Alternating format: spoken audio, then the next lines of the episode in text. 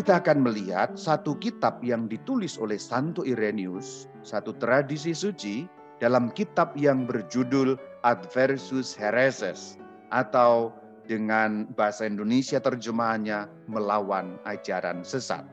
Ini nanti kita akan sampai pada kanon Alkitab, tapi kita mulai dari sini. Sehingga Anda juga tahu bagaimana kesejarahan Alkitab. Alkitab kita bukan tiba-tiba gedebuk jatuh dari langit, bukan demikian juga bukan jatuh dalam keadaan sudah terbendel seperti yang kita punya tidak, tapi ada proses yang mendahulinya. Dan kalau kita membuka tradisi suci akan sangat jelas. Kita lihat dalam AHA. Saya singkat AHA supaya gampang dari kepanjangannya adversus hereses, melawan ajaran sesat.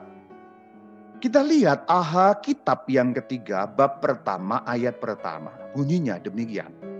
Kita telah mempelajari rencana keselamatan kita bukan dari siapa-siapa, selain dari mereka yang meneruskan Injil kepada kita.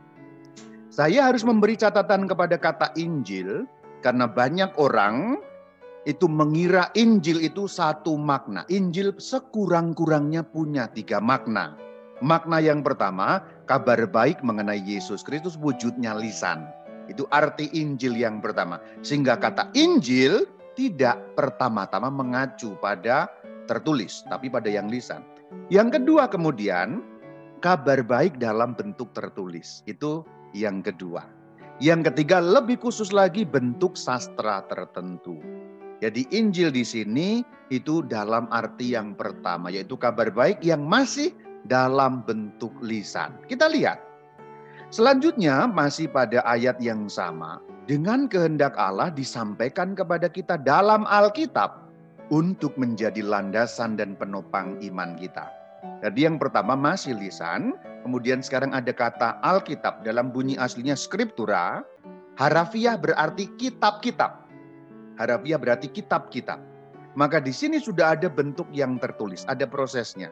Dan nanti Santo Irenaeus melukiskan bagaimana proses itu dan nanti kita juga akan perkuat dengan kesaksian dari Eusebius. Sekarang kita lihat selanjutnya. Masih pada ayat yang sama.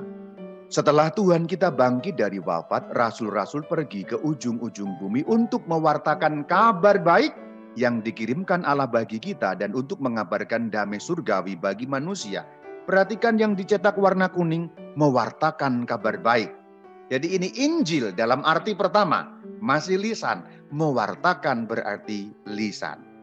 Kemudian Santo Irenaeus merinci bagaimana pewartaan kabar baik dan juga yang kemudian awalnya lisan lalu tertulis itu kemudian disampaikan kepada kita.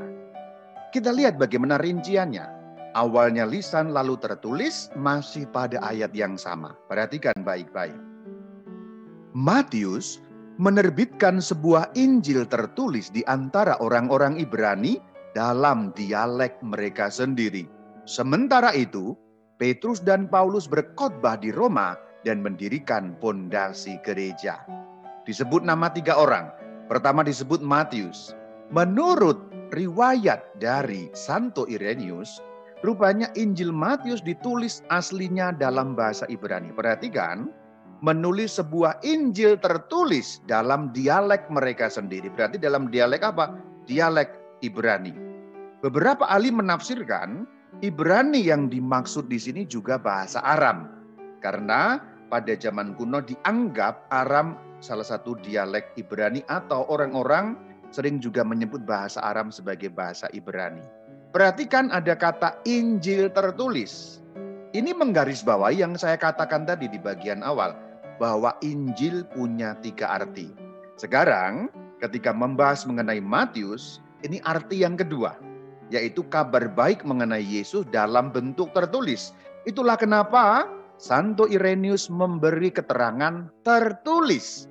Karena kalau hanya kata Injil, itu masih terbuka pada penafsiran apakah yang lisan, apakah yang tertulis, apakah bentuk sastra tertentu. Maka dengan kalimat Injil tertulis, paling atas silahkan lihat ya. Matius menerbitkan sebuah Injil tertulis Berarti sudah ada kitab yang ditulis oleh Matius. Tokoh yang kedua Petrus, yang ketiga Paulus, yang ditulis serangkai Petrus dan Paulus. Selanjutnya, Masih pada ayat yang sama. Setelah mereka, apa yang dimaksud mereka tentu yang disebut terakhir. Setelah Petrus dan Paulus, itu maksudnya. Markus, murid dan penafsir Petrus. Perhatikan siapa kedudukannya Markus. Muridnya Petrus, berarti Markus itu adalah seorang murid dari Rasul Petrus. Meneruskan kepada kita dalam bentuk tertulis apa yang dikotbahkan Petrus. Inilah orang yang menulis Injil. Perhatikan bahwa Markus meneruskan kepada kita. Kata meneruskan dalam bahasa Latin itu berbunyi traditio, tradere, traditio. Atau kalau mau kita terjemahkan harafiah, Markus memberi kita tradisi dalam bentuk tertulis. Itulah kenapa saya sering katakan Alkitab itu tradisi dalam bentuk tertulis. Sebenarnya begitu.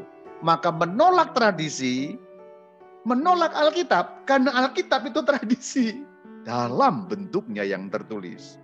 Perhatikan bagaimana prosesnya. Markus meneruskan kepada kita bentuk tertulis. Dari apa? Dari yang dikhotbahkan. Dikhotbahkan berarti bentuknya lisan. Jadi ada kemudian proses lanjutan. Masih pada ayat yang sama Lukas yang dibahas.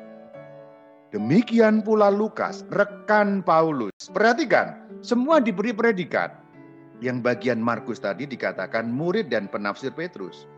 Mungkin ada yang bertanya, Loh kok bagian depan tadi Matius nggak diberi predikat Romo? Karena sudah jelas Matius adalah murid baginda Yesus. Maka ketika ia menuliskan Injilnya karena dia saksi mata, ini tidak perlu bersumber pada yang lain. Tapi begitu menginjak pada Markus diberi keterangan muridnya Petrus, penafsirnya Petrus. Begitu sampai pada Lukas juga diberi keterangan rekannya Paulus. Sehingga kita tahu bahwa Lukas membukukan apa yang dikotbahkan Paulus. Perhatikan kalimat lanjutannya. Demikian pula Lukas rekan Paulus membukukan Injil yang dikotbahkan Paulus. Perhatikan kata Injil yang dikotbahkan. Berarti ada bentuk lisan yang akhirnya dituliskan. Ini prosesnya jelas sekali. Tradisi suci gereja jelas sekali menceritakan bagaimana proses itu. Selanjutnya Yohanes, Yohanes juga tidak diberi keterangan apa-apa, langsung saja murid Tuhan. Yohanes murid Tuhan ini mau memberi penekanan bahwa dia adalah saksi mata yang juga bersandar pada dadanya langsung diberi keterangan yang lebih jelas lagi. Siapa lagi selain Yohanes yang lebih dekat kepada Tuhan Yesus kira-kira begitu, maka kesaksiannya bisa dipercaya dan layak dipercaya. Yohanes menerbitkan sendiri sebuah Injil dalam arti kitab karena menerbitkan berarti menulis ketika ia tinggal di Efesus di Asia. Kalau kita membuka-buka Injil Yohanes, apakah keterangannya ada? Ayatnya ada bahwa itu ditulis atau diterbitkan di kota Efesus yang termasuk Asia itu. Dari Injil Yohanes sendiri.